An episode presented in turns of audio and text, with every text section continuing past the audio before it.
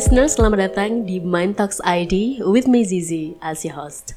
Mind Talks ID hadir sebagai ruang berekspresi. We talks about life from viral news to untold story.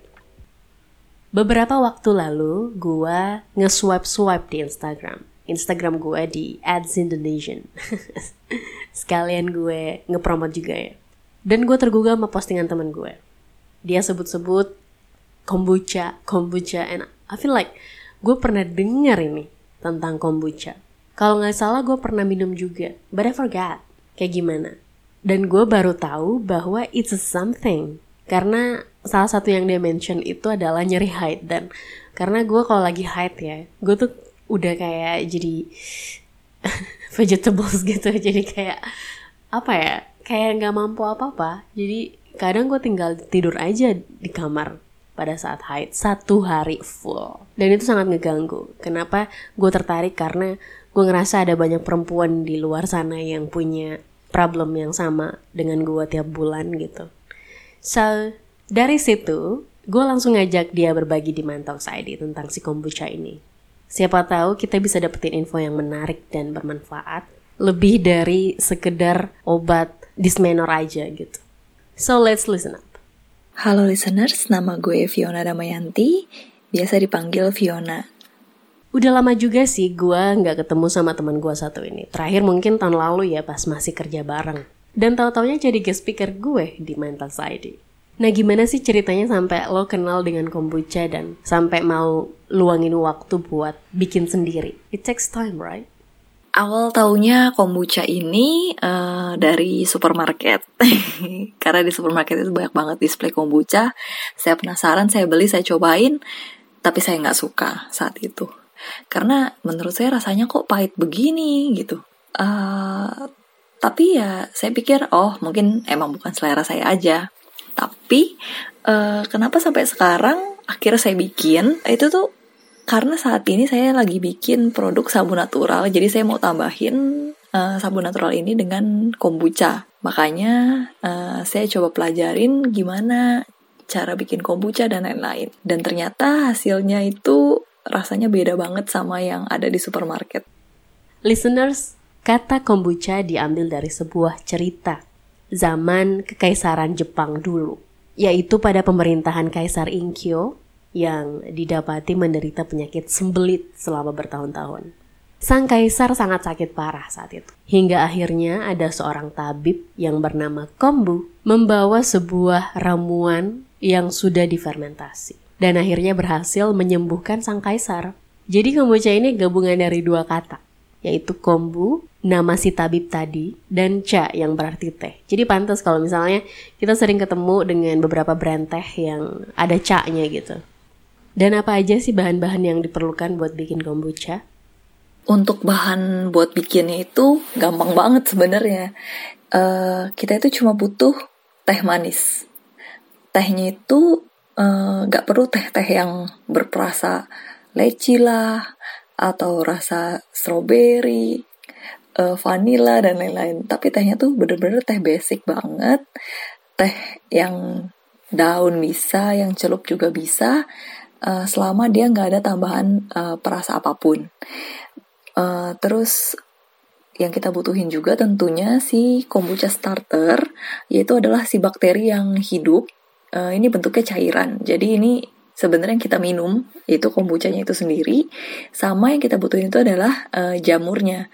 Jamurnya itu biasa disebut SCOBY. SCOBY itu ada singkatannya. Singkatannya itu adalah Symbiotic culture of bacteria and yeast atau bahasa Indonesia itu uh, kultur simbiotik dari bakteri dan ragi. Kabarnya ramuan ini dari Siberia. Dari hasil browsing-browsing gue, nama daerahnya tuh Kargasok. Kapan-kapan gue cari kali ya, daerahnya langsung. Kalau misalnya pandemi udah berakhir, gue bisa traveling lagi kan. Nah, di daerah ini kabarnya orang-orang tuh umurnya panjang-panjang, rata-rata lebih dari 100 tahun. Untuk bahannya bisa didapetin di mana sih? Terutama si starternya ini. Bahannya itu bisa dibeli di mana? Kalau teh sama gula tentunya beli aja di warung. Atau bisa beli online juga kalau males keluar. Uh, terus kalau si kombucha starter sama si Scoby-nya ini sendiri, kalau saya sih belinya juga online karena saya juga nggak tahu siapa yang jual. Jadi saya paling gampang ya belinya online sih. Uh, harganya itu waktu saya beli pokoknya starter sama kombucha Scoby-nya itu totalnya sekitar 100 ribu. Sebelum lanjut, gue mau ngingetin kalau Mind Talks ID bisa kamu dengerin di berbagai platform seperti Anchor.fm, Spotify, Apple Podcast, dan juga Google Podcast. Kalian bisa klik follow biar dapat notifikasi once I publish a new edition. Ada banyak manfaat listeners dari teh kombucha, manfaatnya bakal dijabarin nanti. Kita dengar dulu cara pembuatannya. Untuk membuat kombucha sendiri, pertama kita harus menyiapkan toples kaca yang bersih. Nah, toplesnya ini tidak boleh toples kaleng atau toples plastik. Kenapa kaca? Karena kaca itu diyakinin lebih bersih dan lebih uh, gak akan membuat residu-residu yang mungkin bisa menempel dan menyerap di uh, lapisan kaca. Nah, kenapa harus bersih juga? Karena kombucha itu akan mengalami proses fermentasi dari bakteri-bakteri. Nah, kalau misalkan ada partikel lain yang tidak termasuk dalam proses fermentasi kombucha itu akan menciptakan fermentasi lainnya. Hasil dari fermentasi lainnya ini bisa mempengaruhi kualitas dari kombucha itu sendiri. Itulah kenapa kita harus menggunakan toples kaca dan harus bersih. Nah, bahan-bahannya sendiri itu eh, kita butuhkan teh sama gula. Tehnya ini bisa teh apa pun biasanya direkomendasikan adalah teh melati, teh hijau, teh ulong atau teh apa pun. Tapi tehnya itu tidak boleh yang ada uh, flavornya atau kayak perasa-perasa seperti rasa leci, rasa yang lain-lain lah gitu nggak boleh. Nah terus gulanya sendiri itu biasa menggunakan gula pasir aja, cukup simpel. Terus cara membuatnya pertama uh, kita isi toples dengan air es. Misalkan kita mau membuat larutan kombucha sebanyak 1 liter. Kita isi toples dengan air es sebanyak 500 ml. Lalu kita bisa uh, merebusi teh. Tehnya ini bisa teh kantong atau teh daun. Kita rebus sebanyak 300 ml air dan gulanya itu biasanya saya menggunakan 8 sendok makan gula pasir. Jadi gula pasir sama tehnya itu langsung uh, kita rebus barengan di air sebanyak 300 ml. Tehnya matang, kita sisihkan, kita saring. Uh, di toples sudah ada air dingin, lalu kita masukkan si teh panas ini ke dalam air dingin yang ada di dalam toples. Kenapa demikian? Karena kita mau membuat si teh ini menjadi suhu ruangan. Kalau misalkan kita rebus tehnya itu di dalam semuanya air panas, itu kita nungguinnya lama banget. Jadi kenapa harus ada air es dan teh panas? Jadi ya gitu alasannya. Lalu kalau sudah tehnya dituang ke dalam toples, kita masukkan si kombucha starter. Kombucha starter ini apa? Nah, kombucha starter ini adalah si kombucha itu sendiri. Nah, kombucha ini sendiri ini sendiri pun itu harus yang berumur seenggaknya satu bulan. Jadi yang udah matang banget lah bakterinya. Kita masukin situ sebanyak 200 ml. Jadi pertama kita masukin air es, terus teh teh manis panas. Jadi suhu ruangan kita harus cek dulu suhunya itu nggak boleh panas. Jadi suhunya itu benar-benar harus suhu normal. Lalu kita masukin si kombucha starter. Nah, yang terakhir kita masukin si jamurnya itu sendiri atau yang biasa disebut SCOBY. SCOBY-nya itu sendiri sebenarnya ukurannya itu biasa kalau untuk satu liter itu tergantung toplesnya juga. Saya masukinnya biasanya sih paling cuman 100 gram itu udah cukup sebenarnya. Kalau udah semuanya udah masuk nih, kita aduk. Jangan lupa diaduk. Nanti uh, biar lebih cepat aja sih. Terus kalau udah diaduk, kita tutup si toplesnya ini bukan dengan tutupnya, tapi kita tutup pakai kain bersih atau uh, tisu kertas, terus kita karetin. Nah, setelah kayak gitu, kita sisihin si kombucha di pojokan. Pastikan dia tuh bersih, jadi kayak nggak ada asap atau mungkin uh, partikel debu atau yang lainnya. Debu sebenarnya nggak apa-apa sih karena ya debu ada di mana-mana juga anyway. Terus kita pojokin, udah kita tunggu sampai jangka waktu at least dua minggu. Nah, selama periode menunggu ini, kita tuh harus kayak cek si kombucha ini bener gak tumbuhnya itu dengan baik. Karena uh, kita nggak tahu. Mungkin aja bisa aja kita lupa ada kemasukan apa sesuatu di dalam kombucha itu sendiri. Nah kita cek uh, kalau misalkan si jamurnya warnanya masih bersih, kalau misalkan ada coklat-coklat dikit itu wajar karena itu sebenarnya dari raginya si kombucha itu sendiri yang dihasilkan. Terus uh, kita sisihin, terus kita cium baunya. Baunya tuh masih enak atau enggak? Enak itu maksudnya kayak bau yang sewajarnya lah, bau asam asam teh kombucha tuh kayak gitu, bukan bau busuk gitu. Nah, Terus along the way selama dua minggu, di hari ketiga atau keempat biasanya tuh udah kelihatan ada lapisan tipis warna putih di permukaan atas toplesnya itu sendiri, si tehnya. Nah, itu si jamur scoby atau biasa disebut baby scoby itu udah mulai numbuh. Nah, kalau kayak gitu biasanya saya tambahin larutan gula lagi sedikit. Sedikitnya itu berapa? Kalau misalkan 100 eh kalau misalkan 1000 ml berarti saya biasanya kasih ya 10 persennya lah 100 ml ke dalam si toples itu. Jadi pastiin kalau kita mau bikin 1 liter ya toplesnya jangan 1 liter plek-plek pas banget. Jadi kita kasih space dikit buat nambahin si larutan gulanya. Kenapa ditambahin larutan gula? Gula ini sendiri tuh sebagai makanan dari bakteri-bakteri yang ada di dalam kombucha itu sendiri bakterinya. Jadi kalau misalkan dia kekurangan makanan tentu dia bisa mati kayak manusia aja. Dan kenapa dia harus ditutupnya pakai kain? Karena biar ada oksigen. Nah, karena makhluk hidup kan juga membutuhkan oksigen. That's why itu gak boleh ditutup rapet banget, gak boleh kedap udara. Dipastikan itu akan meninggal. Manfaat dan efek samping yang muncul setelah minum teh kombucha, tiap orang berbeda-beda. Dari pengalaman kamu kayak gimana? Kalau selama ini sih, uh, dari konsumsi kombucha yang dirasakan, ini agak-agak berbeda tapi ada yang sama sih tiap orang. Jadi ada yang ngerasain badannya tuh lebih panas, lebih anget gitu aja. Karena mungkin si kombucha ini karena hasil fermentasi ada sedikit kandungan alkohol, tapi kandungan alkoholnya sendiri tuh 0,5% jadi bener-bener kecil banget. Terus ada juga orang yang ngerasain uh, jadi sering pipis. Ini saya juga ngerasain hal itu sih.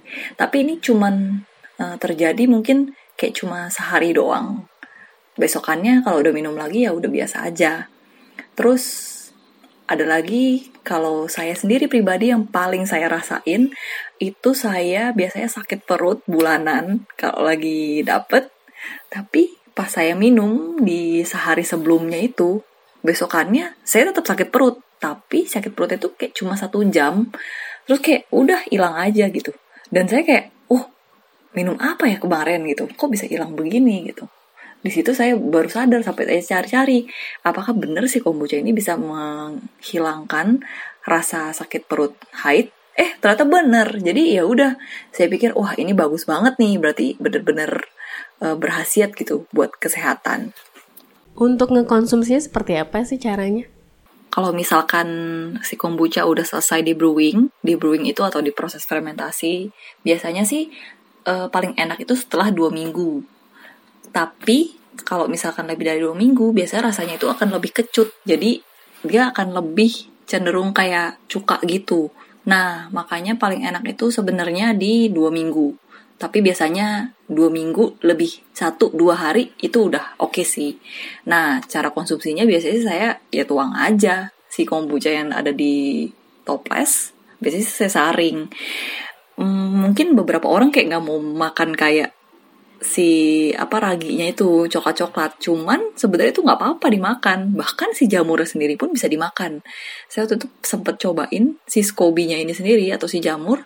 Itu rasanya tuh kayak nata de coco tapi versi kecut parah. Nah terus saya juga cari di Google. Ternyata itu juga bisa jadi makanan untuk hewan peliharaan gitu. Jadi si scoby ini dikeringkan dulu. Jadi mungkin seperti kerupuk ya tapi waktu itu saya kasih sih ke anjingnya pacar saya gunting kecil gitu saya kasih eh doyan dia ya udah tapi jangan banyak-banyak karena saya takut juga ntar anjingnya mati saya disalahin kan jadi listener, setelah fermentasi selama dua minggu tersebut, kalian udah langsung bisa konsumsi teh kombucha ini. Disaring dulu, minum deh, nggak perlu tambah apa-apa lagi. Buat kamu yang doyan sama salad, bisa juga pakai teh kombucha ini sebagai dressingnya. Jadi ada flavor tersendiri. Daripada lo nunggu dua mingguan, belum lagi waktu nunggu di saat pemesanan si starter secara online kan butuh waktu juga tuh buat pengiriman. Kan itu lama banget. Kenapa nggak beli langsung aja? Itu ya karena saya personally nggak ngerasa yang dijual itu bener-bener asli. Terus rasanya tuh kayak gak enak. Karena first impression saya minum kombucha itu kok rasanya ih kok kayak gini gitu. Beda aja gitu. Tapi pas saya bikin, terus saya minum, cobain ih kok enak ya? Kayak seger gitu. Nggak ada perasa-perasa apa-apa. Hmm. dan ya bener-bener saya tahu gitu kan cara proses bikinnya ya kayak begitu aja. Jadi menurut saya natural things is a must for me. Make sense banget, setuju apalagi cara pembuatannya sepertinya nggak begitu ribet. Yang sulit mungkin nunggunya, nunggu proses jadinya aja karena butuh waktu buat fermentasi untuk listeners, gue saranin bisa searching dulu tentang kombucha karena dari penelusuran gue, khasiatnya lumayan banget buat kesehatan. Mulai dari yang pengen ngekat sebagian lemaknya, nyeri haid juga bisa kan, diabetes, asam urat, pencegah kanker juga, dan masih banyak lagi. Kalian bisa browsing-browsing lagi buat nambah-nambah referensi sebelum mantepin diri buat mencoba teh kombucha dari saya sendiri personally untuk orang-orang yang belum mencoba kombucha itu kayak gimana coba deh kalian uh, beli aja lah nggak apa-apa. Di toko online atau di mana coba aja dikit aja. Mungkin buat beberapa orang kayak ngerasa nggak mau gitu ya mencoba hal baru. Tapi buat saya kita tuh nggak pernah tahu dari hal kecil apa yang mungkin akan membawa kita kepada hal yang besar. Jadi buat saya sendiri karena saya iseng-iseng bikin kombucha terus saya bagi ke beberapa orang terus beberapa orang ngerasa oh enak banget badannya rasanya segala macam terutama orang-orang yang udah berumur ya yang mungkin kayak mengalami keluhan keluhan-keluhan kayak capek asam urat atau yang lainnya hmm. itu kayak ngerasa enak banget di badannya. Jadi menurut saya kalau misalkan kita bisa berguna buat orang lain itu bakal hidup tuh rasanya fulfill banget gitu. Dan gitu aja ya. Makasih ya. Bye bye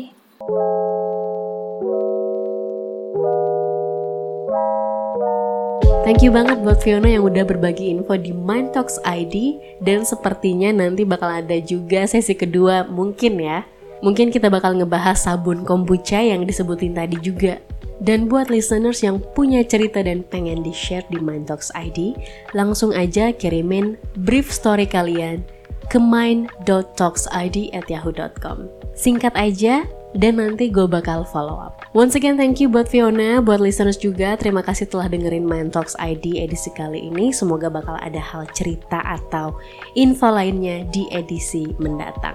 Gue Zizi pamit, see you on the next edition.